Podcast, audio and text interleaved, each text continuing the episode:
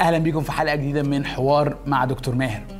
النهارده عندنا واحدة من أهم وأكثر المواضيع مركزية لأي حد عايز يفهم المسيحية صح. الله يخلص. إزيك يا دكتور ماهر؟ أهلا يا يوسف. خلينا نبتدي على طول واخش في الموضوع. كلمة الخلاص عند المسيحيين كلمة مركزية ومليانة آه، يعني افتح أي وعظ اسمع أي ترنيمة غالبا هتلاقي فيها الكلمة دي أو مشتقاتها. لكن في الحقيقة هي الكلمة دي ما بتستخدمش غير في الإطارات دي. يعني عمر مثلا ما حد بيسلم على حد ويقول له إيه أخبار خلاصك الفترة دي؟ أو آه، خلاصك آه، واصل انهي مرحلة دلوقتي؟ يعني ما حدش بيستخدم بيستخدمها بالشكل المسيحيين بيستخدموها. آه، المفهوم العام عن كلمة خلاص هي حاجة انتهت حاجة خلصت خلاص. Okay؟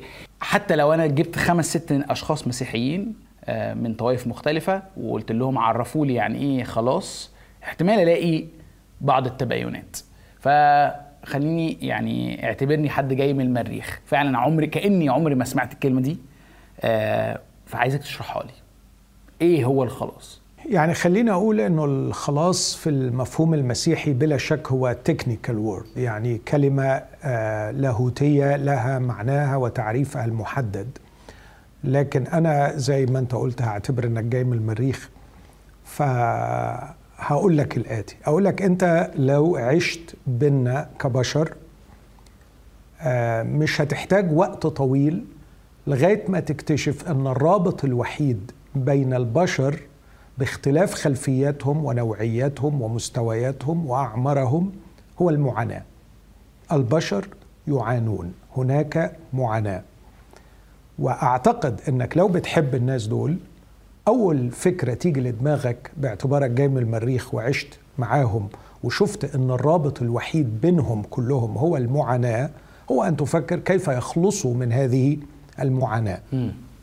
لكن لو عشت أكتر بينا وتأملتنا أكتر وكان عندك ذكاء أكتر مننا شوية آه، كبشر وابتديت تصنف أنواع المعاناة بتاعتنا أعتقد إنك هتوصل على الأقل على الأقل لأربع أنواع من المعاناة. النوع الأول هتلاقينا بنعاني جسديا وده مش هيعصر عليك إنك تلقطه بسرعة. هتشوف أمراض وهتشوف حوادث وهتشوف مشاكل معاناة جسدية، هتشوف ناس بتتوجع بدءا من وجع السنة لغاية وجع الموت والفقدان وإلى آخره. وملهاش علاقة بغني أو فقير كله بالظبط. أوكي فدي الأوجاع الجسدية المادية لكن بعد كده هتدخل أكتر هتلاقي ما يمكن أن أسميه معاناة أخلاقية. هتبدأ تلاحظ إن إحنا وحشين إن إحنا بنحسد بعض وبنكره بعض وبنغضب على بعض وبنأذي بعض. وكل ما تعيش معانا أكتر وتتعمق أكتر هتستغرب من هذه المعاناة الأخلاقية لدرجة إنك هتشوف إنه ال- الويدنج الفرح العرس اللي قعدوا يجهزوا له سنة وسعادة غامرة في ليلة العرس انت نفسك هتتأمل بعد أسبوع إزاي الناس دي بتأذي بعض وازاي بتجرح مشاعر بعض وازاي يتفننوا أحيانا انهم ينتقموا من بعض؟ فهتلحظ ان إحنا عندنا معاناة آه، بسبب تشوه أخلاقي. ولو انت فعلا عايز تساعدنا وبتحبنا هتفكر إزاي تصلحنا اخلاقيا. فمش بس تخفف معاناتنا الجسدية لكن تظبطنا اخلاقيا علشان نقلل شوية من المعاناة دي.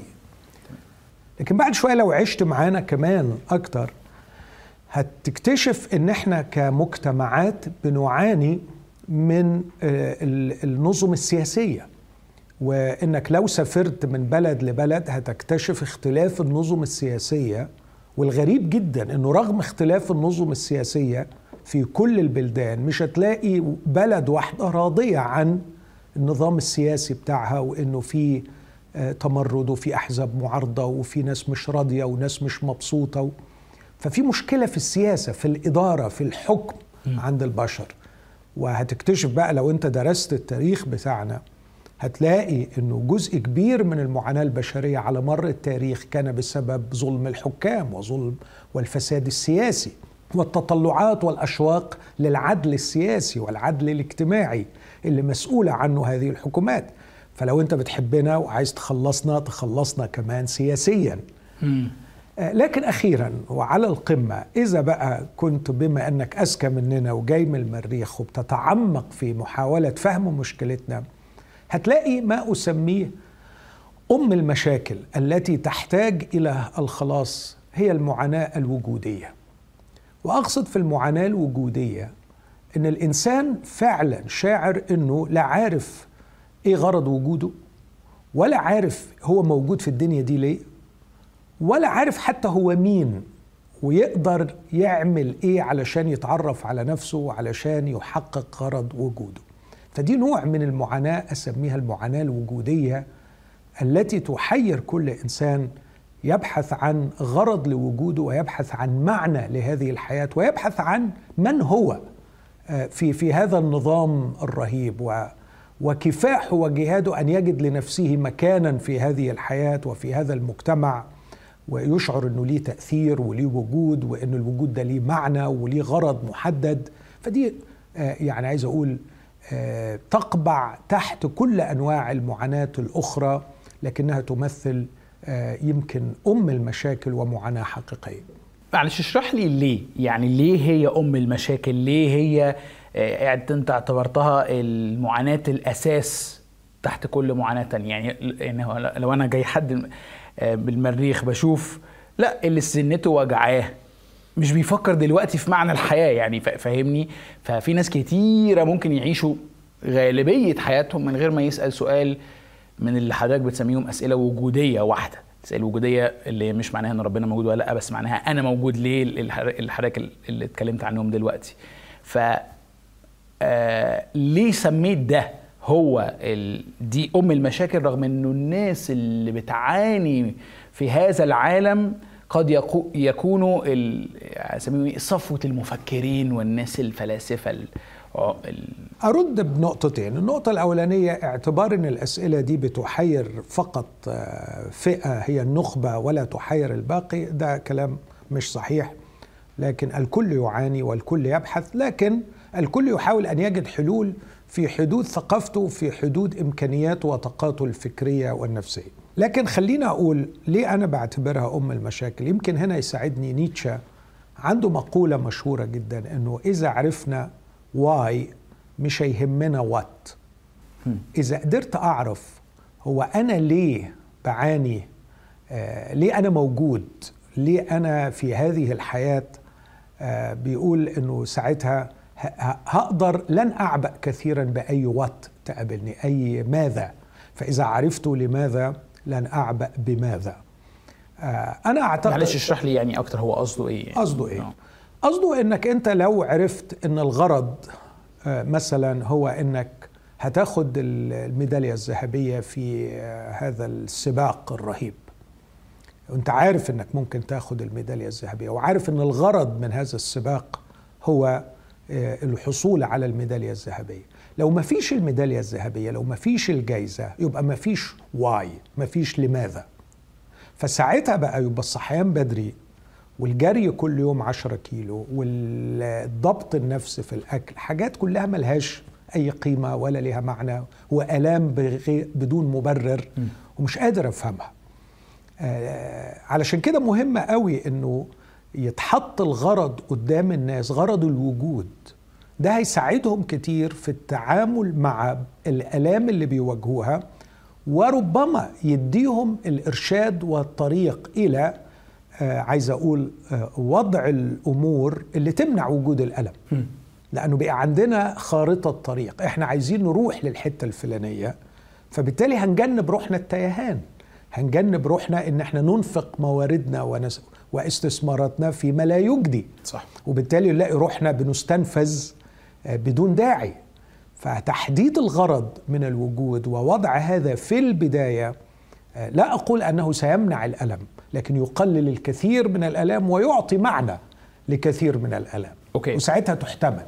Okay. ولو ما عنديش إجابة كويسة وصلبة على هذه النوع من الأسئلة قد أتسبب في مزيد من المعاناة لنفسي لأني بعمل قرارات غبية آه، وحتى الحاجات الكويسة اللي بعملها فقدت أي معنى يديها نوع من ال يعني عايز أقول إيه ان هي ليها مغزى على المدى الطويل يعني صحيح أوكي حلو. ودليل على كده إنه في بعض البلاد اللي حلت كثير من المشاكل السياسية والصحية والمادية آه، آه، نسبة الاكتئاب والمعاناة في هذه البلاد يعني آه، لا تزيد ولا تقل. يعني بلاش أبالغ وأقول إنها أزيد لكن على الأقل الناس بتعاني صح. والناس برضو بتدور على معنى للوجود. Okay. آه يعني فعلا أنا كنت عمال أفكر في دول اسكندنافيا مثلا أو نيوزيلندا أو كده اللي ما عندهاش ال- خلينا نقول الثلاث أنواع ال- الأولى اللي حضرتك وصفتهم بشكل واضح. الناس كده يعني رايقة وعندهم آه، نظام سياسي آه، متظبط إلى حد كبير والناس عندها علاج ببلاش وتعليم ببلاش وهكذا. فهل يعني عايز أقول إيه آه، هل حجة حضرتك إنه هؤلاء يعانون أيضا؟ ابسوليوتلي بكل تأكيد بيعانوا.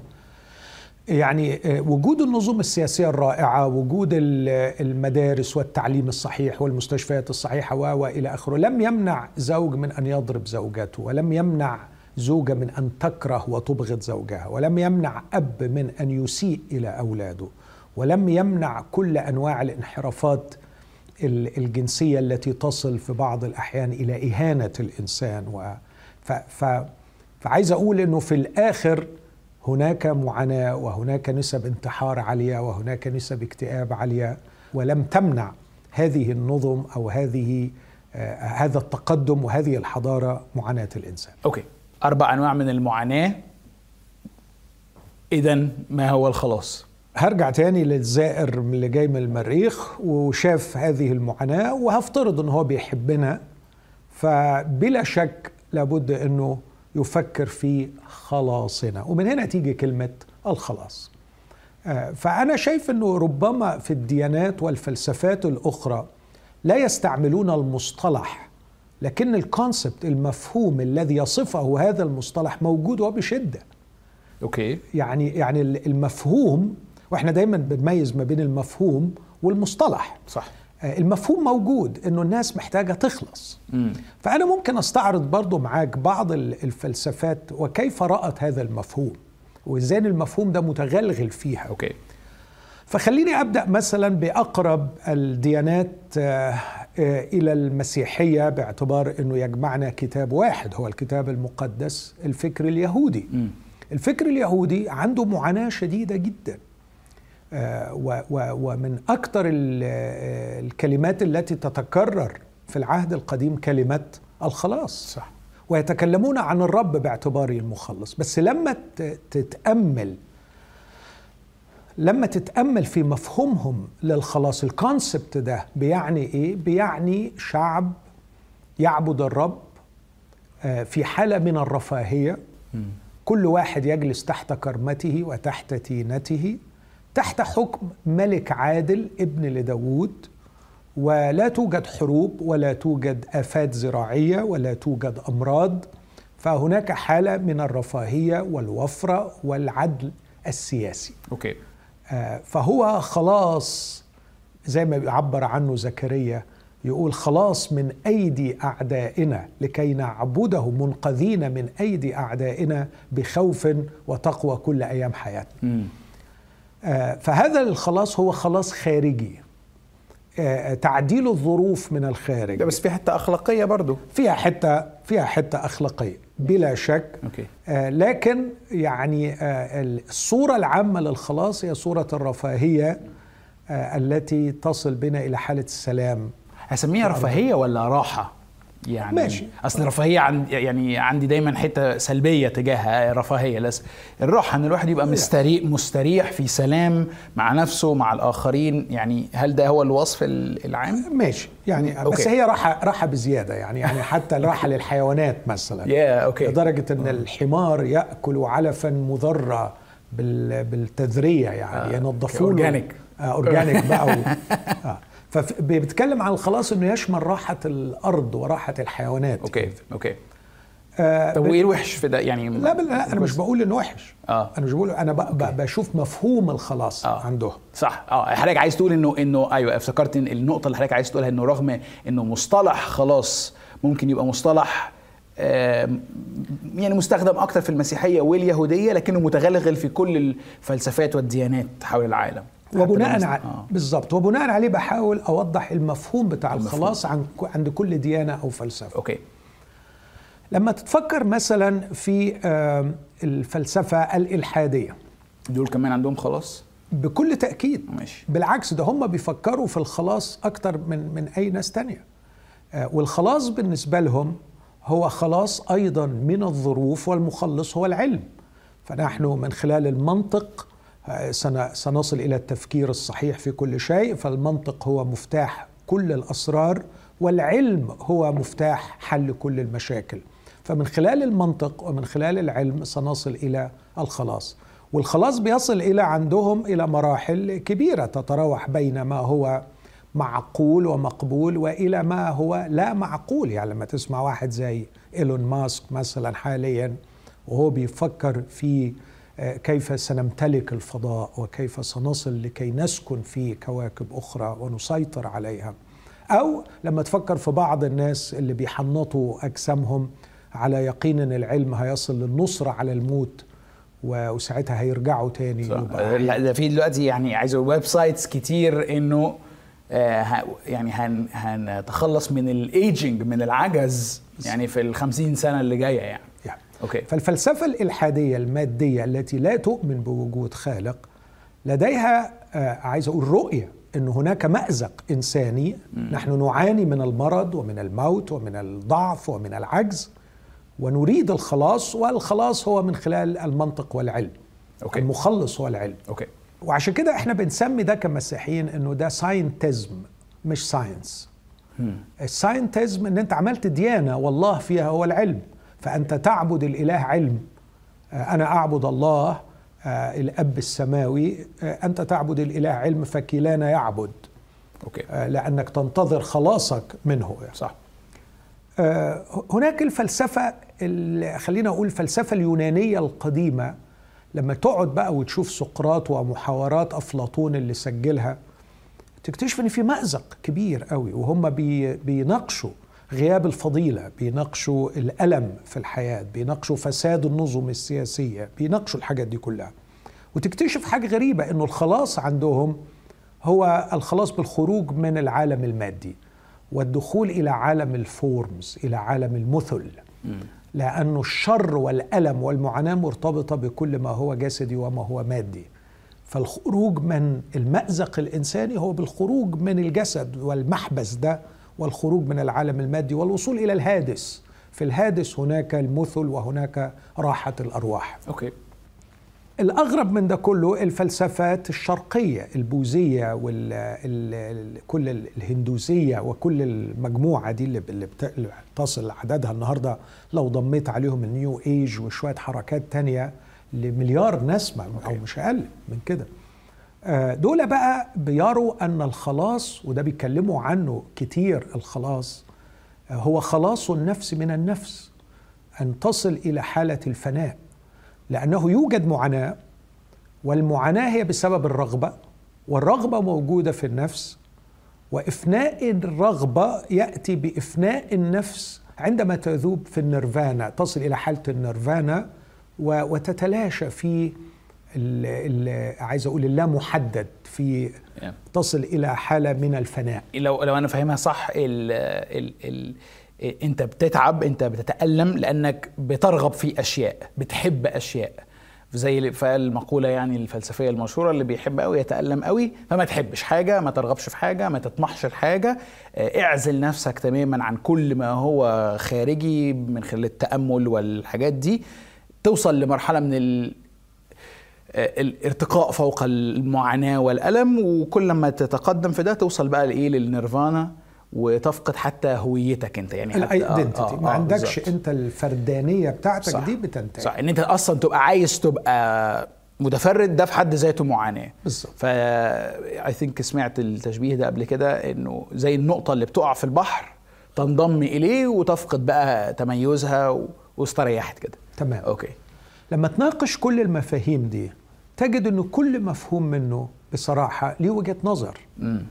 آه لكن عايز أقول لا يقدم حلا حقيقيا وممكن أناقش كل واحد فيهم وأقول إزاي إيه نقاط الضعف في الحل بتاعه. يعني مثلا مثلا لو خدت الحل بتاع الفلسفات اليونانية القديمة إن إحنا نخرج من هذا الجسد ونخرج من العالم المادي وأنا أقول هو ليه ليه, ليه المادة وحشة وليه وليه الجسد وحش؟ صح. ليه ما يكونش حلو ويتم افتدائه و- و- وي- ويكف عن الألم والمعاناة؟ ليه اعتبرت إن الجسم شر يعني؟ مم. لو فكرت مثلا في ال- الفلسفة الهندوسية أو البوذية اللي كنا بنفكر فيها وهو إيه المشكلة إني أكون نفسي وأكون متميز دون أن أصارع مع الآخرين ودون أن تكون رغباتي شريرة لماذا تريدني أن أفقد هويتي وفردانيتي؟ وهذا احتياج عميق عندي يعطيني قيمة معينة إني أبقى أنا وأكون نفسي يعني. إذا فكرت في ال- الفلسفات مثلا اللي بتناقش ال- الفلسفة الإلحادية إنه آه، الحل هو آه، في الحضارة أو في ال- العلم. أقول رايت بس آه، خد بالك إنه اللي بيعمل الحضارة وبيعمل العلم نفوس قد تكون شريرة مليانة بالأذى ومليانة بالخطية والعلم طول جبارة. فممكن يستعمل العلم صحيح لو افترضت يعني إنه النجح في أن يحيي فهو أكيد هيقدر ينجح في إنه يميت ويقتل وإيه اللي يضمنك ساعتها إن العلم بس هيكون يعني نوبل كده والناس العلماء بس بيعملوا كل ما هو للحياة وليس كل ما هو للموت. وخبرتنا مع العلم في القرن العشرين إنه الحقيقة كل ما زاد التقدم العلمي كل ما زاد الدمار والسحق للإنسان وده شفناه في الحروب وشفناه في حاجات كتير قوي علشان كده عايز أقول إنه المفاهيم دي ممكن أناقش إنه فيها وجهة نظر إيجابية يس نعم لكن من الجانب الثاني بتغيب عنها وجهة في غاية الأهمية. واللي هي بتقدمها المسيحية من وجهة نظري. المسيحية بتعترف باحتياج الإنسان لكل أنواع الحاجات اللي أنا ذكرتها. هذا الخلاص ايفن الرغبة. المسيحية بتقول يس إن إن إنك أنت تمشي ورا الرغبة ده مدمر. بس الخلاص من الرغبة مش بالخلاص من النفس لكن من الممكن أن النفس تخلص فتجيد التعامل مع الرغبة وتحولها إلى بركة للشخص وبركة للغير okay المسيحية في مسألة الخلاص بتقول لك ببساطة شديدة ارجع لل blueprint ارجع للتصميم الأصلي. أنت شايف معاناة. لو أنت مهندس ودخلت على قصر ولقيت القصر ده مشوه ومدمر والسباكة بتاعته بايظة والكهرباء بتاعته ضايعة وال- والدنيا مظلمة وفي روائح عطن وعفن وفي حاجات بتقع. أول حاجة لو أنت عايز تصلح هتسأل على ال blueprint ال blueprint التصميم الأصلي ليه. فأول حاجة نسأل عنها هو إيه الإنسان ده؟ من هو الإنسان؟ ولماذا خلق الإنسان؟ وما المقصود من وجوده؟ وده المسيحية بتجاوب عنه وإحنا جاوبنا عن الكلام ده في حلقة قبل كده إنه آه، خلق الإنسان وهو كائن عجيب بديع. آه، كنا بتناقش أنا وأنت قبل الحلقة عن الأطفال. هذا الطفل اللي عبارة عن خليتين عبارة عن حتة لحمة. آه، تكبر ويوم ما بتكبر ويوصل لكذا شهر في الرحم هو بضعة سنتيمترات. وبعدين يبقى كائن بيفكر ويتقن اللغة ويتحاور ويتألم ويفكر ويشتاق ويحب ويكره. هذا الإنسان كائن بديع عجيب. لابد وأنا بتفرج عليه أقول هو موجود ليه ومين خلقه. الامام المسيحي بيقول إن الله خلقه لكي ما يواصل الصلاح الإلهي في الأرض لكي ما يكون حاملا للحضور الإلهي وممثلا لله. عملنا حلقة كاملة عن الموضوع ده اسمها الله يشرك. بالظبط. وإنه يكون شريكا لله مش بس آه، يعني ان بارتنرشيب لكن ان فellowship بيستمتع بالشركة مع الله. شراكة وشركة. وشركة. يعني. و- وعنده الإمكانيات التي تجعله يستوعب الإعلانات الإلهية أو الكش التكشفات الإلهية. وإحنا عملنا حلقة عن الله يتكشف. فالإنسان كائن رائع وعظيم وعلى فكرة مخلوق لكي يسود في السماء والأرض. يعني يعني لما يحلموا بالكواكب التانية حلم مشروع. صح. لأنه ما كانش فكرة عجيبة يعني. لا لأنه ما كانش التصميم الأصلي فصل السماء عن الأرض. السماء هنا ازن الفضاء ولا العالم الروحي؟ يعني بتسميها إزاي يعني؟ ال- العالم الروحي مسيطرا على العالم المادي بكل اتساعه في السماوات. أوكي. كواكب والنجوم وإلى. آخره. القصة المسيحية بتقول إنه هذا الإنسان الذي خلق لهذا الغرض ليحقق هذا قد انفصل عن خالقه. والخلاص المسيحي يبدأ بإعادته لخالقه لتحقيق إنسانيته لكي يكون إنسانا ويكون نفسه. okay. لو لو حبيت أعرف الخلاص المسيحي في كلمتين أقول الخلاص المسيحي هو دعوة لاستعادة الإنسان لعلاقته مع خالقه. لكي ما يحقق إنسانيته وفردانيته أي يكون انسانا ويكون نفسه. okay. هذا هو الخلاص المسيحي. واللي بقى تقدر من خلاله تشوف مراحل التدخل الإلهي من خلال مخلص هو يسوع المسيح لكي ما يبدأ بهذا إعادة هذا الكائن إلى خالقه لكي ما يكون إنسانيته ويكون فردانيته فيكون إنسانا ويكون نفسه.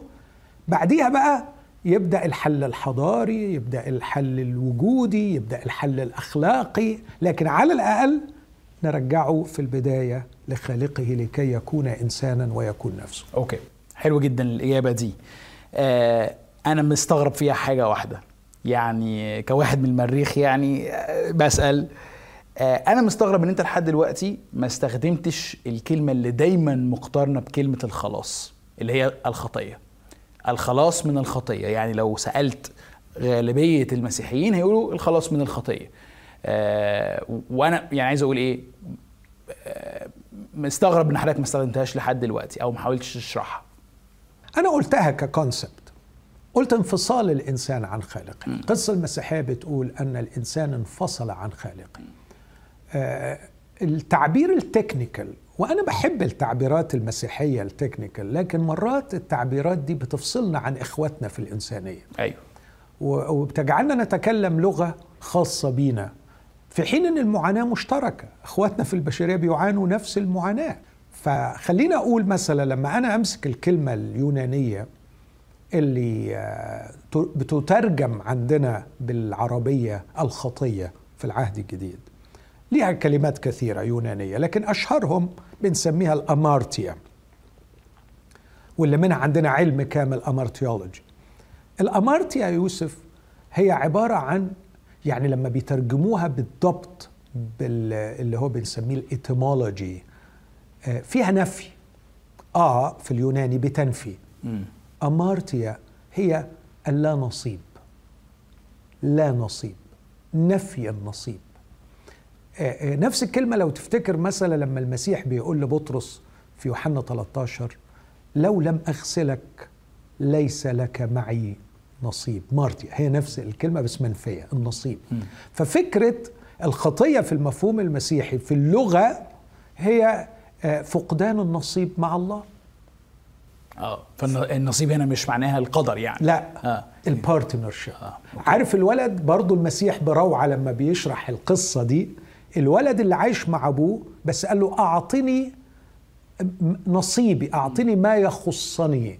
لا أريد نصيبي معك. أوكي. فأخذ ماله فأعطاه الآب نصيبه. فأخذ النصيب ال ال خلينا أقول ال- إيه بقى النصيب يعني هنا ال- ال- الممتلكات. أيوه. أخذها وذهب لكي يستمتع بها بعيدا عن أبيه. صح. هو- ده معنى الخطية. okay.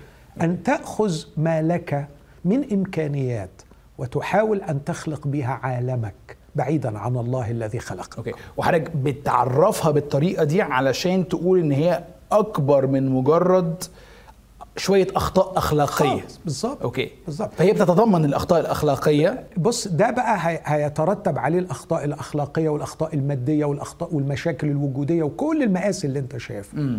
لأنك أنت شديت الفيشة. بتاعت الت... خلينا نف- نفكر إن عندك ثلاجه في المطبخ مليانة بكل أنواع الأطعمة الجميلة وحاطط فيها حاجات كتير حاطط فيها أدوية وحاطط فيها مأكولات وحاطط فيها حاجات. وبعدين شديت الفيش. وسبتها ست شهور. هذا ال box سينفجر وتخرج منه كل الروائح الرديئة وملهوش علاج actually غير إنك تاخده على بعضه كده ترمي. وترميه في الزبالة. okay. آه، لأنه في connection معين كان ينبغي أن يستمر. آه، اللي حصل هو إني آخذ نصيبي إمكانياتي العقلية إمكانياتي الروحية إمكانياتي العاطفية إمكانياتي الإرادية وآخذ ده كله وأبعد بيه عن خالقي هو ده مفهومنا عن الخطية. okay. لكن كمان بيستعملوها بقى في الأدب اليوناني. كلمة أمارتيا في الليترتشر اليوناني اللي مكتوب كان في نفس الحقبة اللي اتكتبت فيها الأناجيل والرسائل العهد الجديد عدم إصابة الهدف. عدم تحقيق الهدف. الخطأ هو أنك لم تصب الهدف. وده أيضا يتفق تماما مع الكونسبت مع المفهوم اللي كنا بنشرحه. ما هي الخطية؟ هو عدم تحقيق الإنسان لهدف وجوده. ما هو هدف وجوده؟ أن يكون انسانا ويكون نفسه. فأنا بقول نرجع تاني العودة إلى الخالق لكي أحقق الهدف بأن أكون إنسانا وأكون نفسي. في خطة الخلاص المقدمة من الله للخلاص في المسيحية معمول بقى فيها ستبس معمول فيها آه، آه، يعني مراحل. إزاي اعالجك اخلاقيا؟ وإزاي اعالجك وجوديا؟ يعني مثلا لو هتكلم عن وإزاي اعالجك قضائيا في الأول لأنه أنت عملت مآسي وبلاوي. وانت مش بس فيكتم آه، يعني انت مش بس ضحية لكن انت جاني كمان. ولابد اللي عايز يخلصك يحل لك مشاكلك القضائية دي. انت عملت بلاوي انت أذنبت في حق ناس انت كسرت قوانين. فتبص بقى لما نتعمق في مفهوم الخلاص المسيحي ياخدك كده ويبدأ بقى شغل مراحل معاك. يبدأ يخلصك قضائيا. وبعدين يعمل لك تغيير أخلاقي في داخلك بمعجزة بنسميها الولادة الجديدة.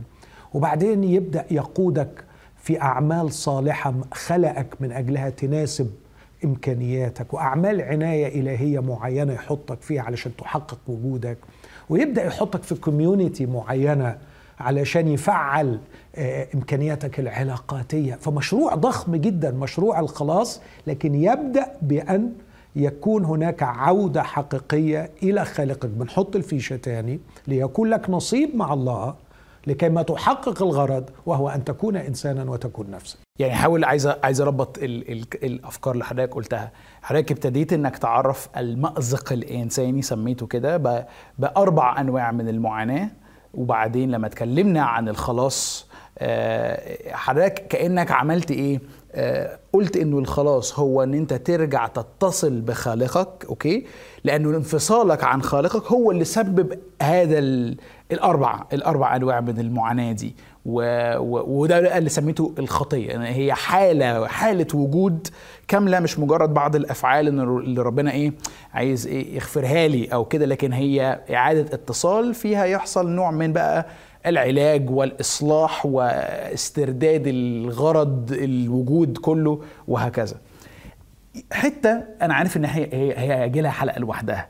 بس انت ابتديت قلت أول نوع من أنواع المعاناة هي المعاناة الجسدية والآلام ودي الوحيدة اللي انت ما جبتش سيرتها في الإصلاح أو في الخلاص. أوكي. آه لا شك لا شك إن دي لها كامل التقدير والاعتبار في مخطط الخلاص المسيحي. آه لكن آه في اختلاف في وجهة النظر آه بيننا وبين الله آه من حيث أولويتها.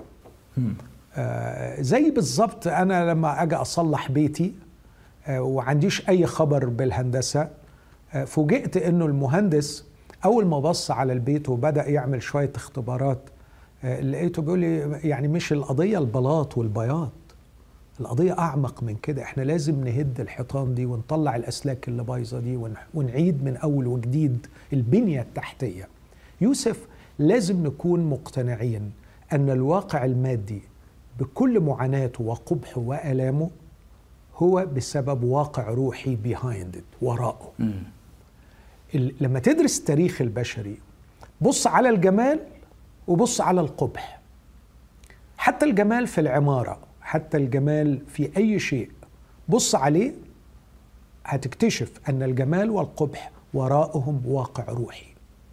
اليومين اللي فاتوا لظروف مختلفة كده اضطريت إن أنا أدخل آه، بعض القصور. ومن الحاجات اللي لفتت نظري قوي لازم أنت بتقول إن أنت اضطريت. آه يعني قصر منهم مثلا آه، كان معايا صديق بيفهم في الحاجات دي قال لي النجفة الواحدة لا تقل عن مليون جنيه. آه، كم بزخ رهيب رهيب في كل شيء. بس الغريب جدا القصر ده مليان عنكبوت ومليان هلوس مهجور. الكآبة تفيض منه من كل جوانبه. فباعتباري بهتم بالإنسان وبقصة الإنسان. آه، سبت اللي كانوا معايا ورحت للغفر وقعدت أسأل البوابين آه، إيه قصة البيت ده؟ لقيت إنه مات المالك والورثة اتخانقوا مع بعض فأهجر القصر فوراء هذا القبح وراء إهدار هذه الثروة وراء هذا الدمار اللي حل هناك أخلاق التنافس والصراع والطمع. آه، لما قصر تاني برضو كنا بنصور فيه حاجة وحبيت برضو أعرف لأنه نفس الفكرة آه، مهجور قصة طلاق. آه، وإزاي بعد ما أختير كل شيء بعناية يعني كنت بلاحظ ورق الحائط بلاحظ إنه في امرأة بيهايند في في في امرأة آه، نقت وعملت واختارت وبعدين مهجور. وبيتأجر كده بس علشان أي حد يستفيد منه بأي حاجة. وراه قصة طلاق مؤلمة وكانت بتنشر على صفحات الجرائد. ف فأنا عايز أقول كل كل قبح كل ألم كل معاناة فكر في الواقع الروحي. واسمعني بقى لما أقول. إصلاح الواقع المادي من بره دون البدء بالواقع الروحي سذاجة وجهل. طب وبعد ما صلحت اللي بره وسايب النفوس والعقول والأخلاق من جوه خربانة أنت ما عملتش حاجة أنت بتعيد نفس الموال تاني م. فأنت صلحت القصر وجملته وخليته وصرفت عليه 100 مليون تاني وسكنت فيه ناس بنفس الأخلاق بنفس العقليات بنفس طريقة التفكير والناس دي ما اتغيرتش ادينا بس سنتين ثلاثة هنلاقي روحنا بنعيد نفس صح. القصة فمخطط الخلاص المسيحي على الرغم من أن للمعاناة الجسدية يعني وضعها فيه ولها دورها فيه لكنه لا يبدأ بها. أوكي حلو قوي. خليني أفكر فيها كده. يعني أنا مبسوط جدا بالشرح الأعمق والأوسع لمفهوم الخلاص. بس عارف المشكلة اللي عندي إيه؟ عايزر دلوقتي كل شخص يبقى مش فاهم. طب إيه علاقة بقى إنه حل كل الكلام ده؟ إنه الله يبادر ويجي ويتجسد ويموت على صليب وهو ده الحل. فاهمني؟ يعني فجأة يعني لما كانت بالنسبة لي الخلاص من الخطية أنا هنا بقى يوسف بقى مش من المريخ يعني يوسف اللي فاهم وسمعت حاجات كتيرة. كنت فاهم الصليب بيعمل إيه. لكن دلوقتي مش عارف أربط بقى آه، الفكرة اللي هي أصلا صعب قبولها. آه، تجسد الله واختياره إنه يعني إيه يخضع نفسه لهذه العملية. إيه علاقة ده بقى بكل الكلام ده؟ خليني أقول لك بعض الحاجات. يعني أتذكر آه، كاتب مصري شهير وأتذكر آه، إمام مفكر آه، ومش أذكر الأسماء. آه، الكاتب المصري كتب مقال من حوالي 12 سنة 11 سنة كبير كان في جريدة الأهرام المخلص الذي لم يخلص. وأنا ساعتها رديت بحلقة في برضه برنامج المخلص الذي خلص ولم يزل يخلص. آه، وكان بيطرح طرح إنه قلتوا إن المسيح مخلص والمسيح جه والعالم زي ما هو ومفيش أي حاجة صح. حصلت لأنه صح. المرض ما زال موجود والموت ما زال موجود والمعاناة العامة المعاناة العامة دي ما زالت موجودة آه، أعتقد الرد عليه بنقطتين هو تجاهل الجانب الروحي في الخلاص واختزال المأزق الإنساني إلى المعاناة السياسية أو المعاناة المادية. وتجاهل ال ontological aspect الكينونة الإنسانية اللي إحنا مش شايفينها. إحنا مش قادرين نشوف الإنسان. يعني لما أعرف الإنسان أعرفه إزاي؟ هل أعرفه في الراجل اسمه جوبلز بتاع هتلر؟ هل اللي هو ومراته قتلوا عيالهم السبعة قتلوهم علشان ما يقعوش في أيدي الإنجليز أو الأمريكان؟ ولا هتلر عرفوا في- هتلر ولا عرفوا في ما ولا عرفوا even في غاندي. يعني أعرف الإنسان في مين. إحنا فقدنا معنى أن تكون إنسانا. فالمخلص عندما أتى أول حاجة جه يعيش بينا يعرفنا يحط جملة تعريفية لمن هو الإنسان. لمن هو الإنسان. وده اللي شفناه في يسوع المسيح. أوكي. هو ده الجمال. هو هي دي القوة. هو ده الفكر. هو ده المنطق. هو ده الخضوع. هو ده الاستقلال. ففرجنا على مين هو الإنسان. آه كمان ال- الطرح اللي طرحه هذا ال- ال- المف أو الأديب المصري آه بيتجاهل لا على فكرة آه ربما حضرتك غير مطلع على آه الكنيسة الحقيقية وعلى المجتمع المسيحي الحقيقي على مر التاريخ. لكن إذا قرأت وبحثت ستجد أن قصة الخلاص المسيحية خلقت أناس مشابهين ليسوع المسيح وعلى مر التاريخ لم تخلو صفحات التاريخ من قصص رائعة جدا عن هؤلاء الشجعان الأبطال العظماء اللي أثروا التاريخ البشري وأثروا العلم والحضارة وإلى آخره. بالنسبة للامام المفكر قال حاجة جميلة في مرة من المرات وهو بيحاول يطرح الطرح المسيحي كيف يفكر المسيحيون. فقال لو انت عندك مشكلة آه، في مدينة معينة المفروض انه حاكم المدينة يحل المشكلة. آه، لكن إذا كانت المشكلة أكبر من إمكانياته فبيرسل للمحافظ بتاع المحافظة آه، كلها. على أساس يقول له أنا خارج فوق مستوى مسؤولياتي وإمكانياتي تعالى حضرتك حلها. فالمحافظ يجي يدرس المشكلة يكتشف إنها أكتر من إمكانياته فيجيب وزير. الوزير يجي يقول لا دي أكتر من إمكانياتي. آه، ممكن يجيب ولي الأمر في البلاد. ولي الأمر في البلاد يكتشف أن المعضلة فعلا أكبر من إمكانياته. فهذا الإمام المفكر قال يا جماعة من وجهة النظر المسيحية أن المأزق البشري يتعدى حدود إمكانيات أي مسؤول بشري فكان لابد ومن المحتم اخلاقيا على الخالق أن يجي يحل المشكلة بنفسه. فده مش منطق غريب. إذا أنت خلقت الإنسان لغرض ما وفوجئنا أن الإنسان فسد وفشل تماما في آه، إنجاز الغرض آه، تعال حل المشكلة. مم. فالحقيقة هو جه يحل المشكلة. أوكي. وعلشان يجي يحل المشكلة مش هيجي لنا بصورة ترهبنا وتقضي علينا. آه، لكن جالنا يحل المشكلة في صورة بشرية.